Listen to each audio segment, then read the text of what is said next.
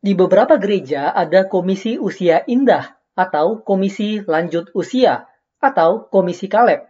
Di gereja kita, komisi Kaleb adalah komunitas yang sudah ada sejak cukup awal.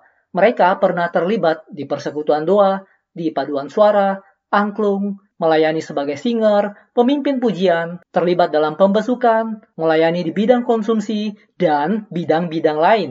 Bahkan, pada saat gereja kita baru direnovasi karena penambahan ruang, beberapa anggota Komisi Kaleb juga hadir untuk membersihkan sisa-sisa pekerjaan renovasi, sehingga ruang ibadah dapat digunakan pada hari Minggu. Di Alkitab ada beberapa nama Kaleb. Yang pertama adalah anak Hezron. Ia dicatat dalam satu Tawarik pasal 2. Namun, yang lebih sering kita dengar adalah Kaleb yang dicatat dalam bilangan pasal 13 dan 14, juga dalam Yosua pasal 14. Nama Kaleb mirip dengan kata Ibrani Caleb, yaitu anjing, sama seperti seekor anjing yang setia dengan manis mengikuti pemiliknya. Dalam hal ini, Kaleb setia terhadap Tuhan. Selain itu, jika diucapkan dengan nada Caleb, maka Kata itu dapat berarti mengamuk seperti anjing buas.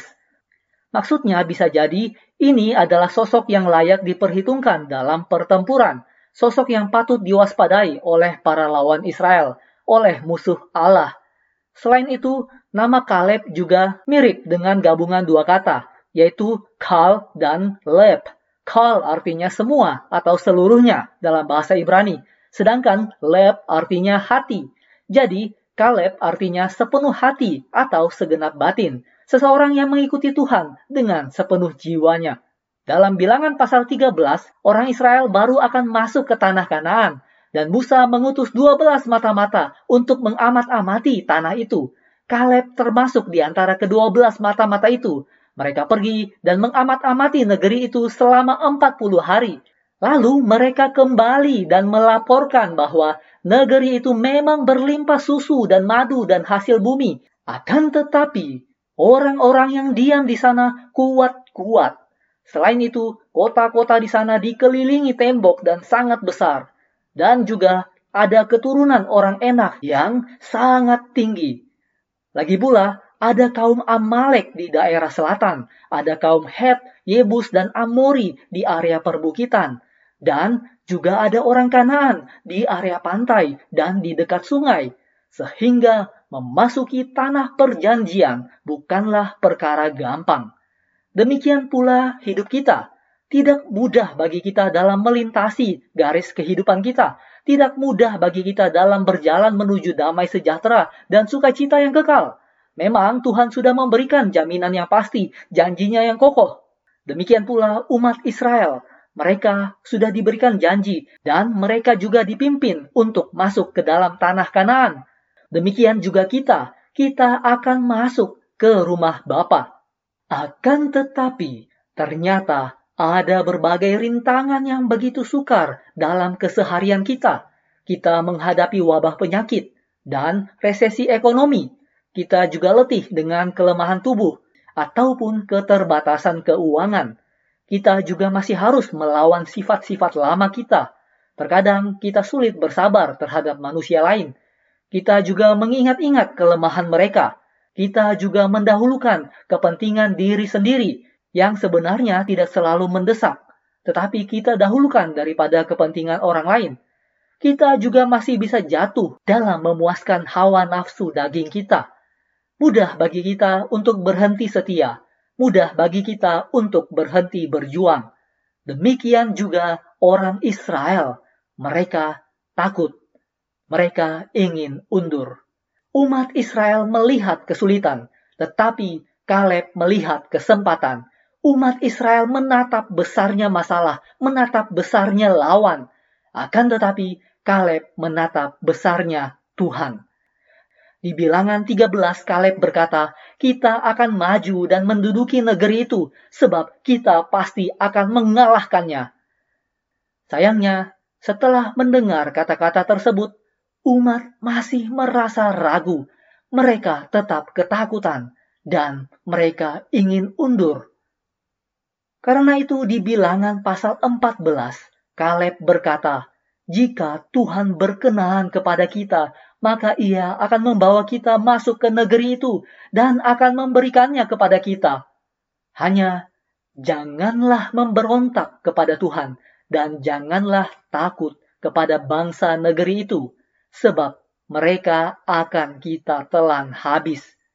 Yang melindungi mereka sudah meninggalkan mereka, sedang Tuhan menyertai kita, janganlah takut kepada mereka.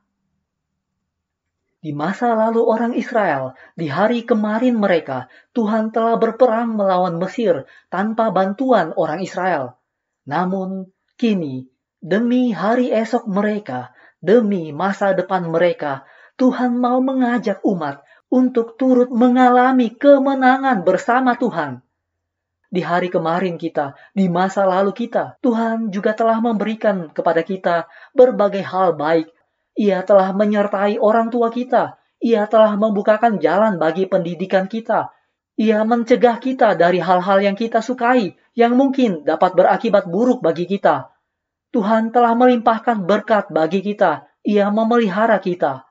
Kini, demi hari esok, demi masa depan kita, ia juga mau mengajak kita untuk turut mengalami kemenangan bersama dia. Kita diajak untuk berperang, mengalahkan manusia lama kita.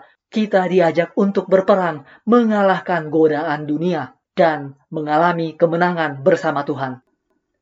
Saudara, 45 tahun berlalu sejak peristiwa itu. Bangsa Israel telah memasuki tanah Kanaan selama tujuh tahun, dan mereka telah satu persatu menundukkan orang-orang di tanah Kanaan. Pada saat itu, Kaleb sudah berusia 85 tahun.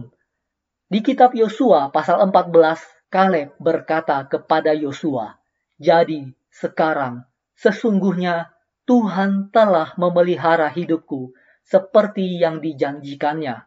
Kini sudah 45 tahun lamanya sejak diucapkan Tuhan firman itu kepada Musa dan selama itu orang Israel mengembara di padang gurun. Jadi sekarang telah berumur 85 tahun aku hari ini. Pada waktu ini, aku masih kuat seperti pada waktu aku disuruh Musa. Seperti kekuatanku pada waktu itu, demikianlah kekuatanku sekarang untuk berperang dan untuk keluar masuk. Oleh sebab itu, berikanlah kepadaku pegunungan yang dijanjikan Tuhan pada waktu itu, sebab engkau sendiri mendengar pada waktu itu bahwa di sana ada orang enak dengan kota-kota yang besar dan berkubu. Mungkin Tuhan menyertai aku sehingga aku menghalau mereka seperti yang difirmankan Tuhan. Lalu Yosua memberkati Kaleb bin Yefune dan diberikannya lah Hebron kepadanya menjadi milik pusakanya. Itulah sebabnya Hebron menjadi milik pusaka Kaleb bin Yefune, orang Kenas itu sampai sekarang ini, karena ia tetap mengikuti Tuhan, Allah Israel, dengan sepenuh hati. Kaleb diberikan kekuatan oleh Tuhan untuk berperang dan juga untuk keluar masuk. Kita pun diberikan Tuhan kekuatan bukan hanya untuk beriman, tetapi untuk beraksi, untuk bertindak, untuk menggunakan tenaga fisik kita untuk melayani Tuhan. Kaleb diberikan kekuatan untuk berperang dan juga untuk keluar masuk. Maksudnya adalah dia diberikan kekuatan untuk melayani baik di rumahnya maupun di luar rumahnya. Tuhan akan memberikan kita hal-hal yang diperlukan untuk melayani dia dan juga untuk hidup kita sehari-hari. Sama seperti Kaleb, kita pun akan mencapai tanah perhentian. Kita pun akan bersama dengan Bapa kita di surga. Namun, lebih dari itu, shalom dan damai yang ada di surga juga dapat dihadirkan oleh diri kita di bumi ini. Sukacita yang ada di surga juga dapat dihadirkan oleh kita yang hidup pada saat ini. Dengan kita berperang melawan sifat-sifat lama kita, dengan kita bertempur melawan keengganan kita, dengan kita mengalahkan sikap pasif kita, kita menghadirkan shalom di rumah dan lingkungan tempat tinggal kita, dengan mendoakan keluarga kita dengan berbagi dengan manusia lain, dengan turut melayani umat Tuhan, dengan berbagai kemampuan dan keahlian kita. Dan semoga kita diberikan kekuatan untuk setia mengikuti Tuhan, Allah kita, dengan sepenuh hati. Saudara dapat melengkapi uraian ini dengan memberikan komentar di bawah setelah rekaman ini. Semoga Tuhan memberkati kita sekalian. Amin.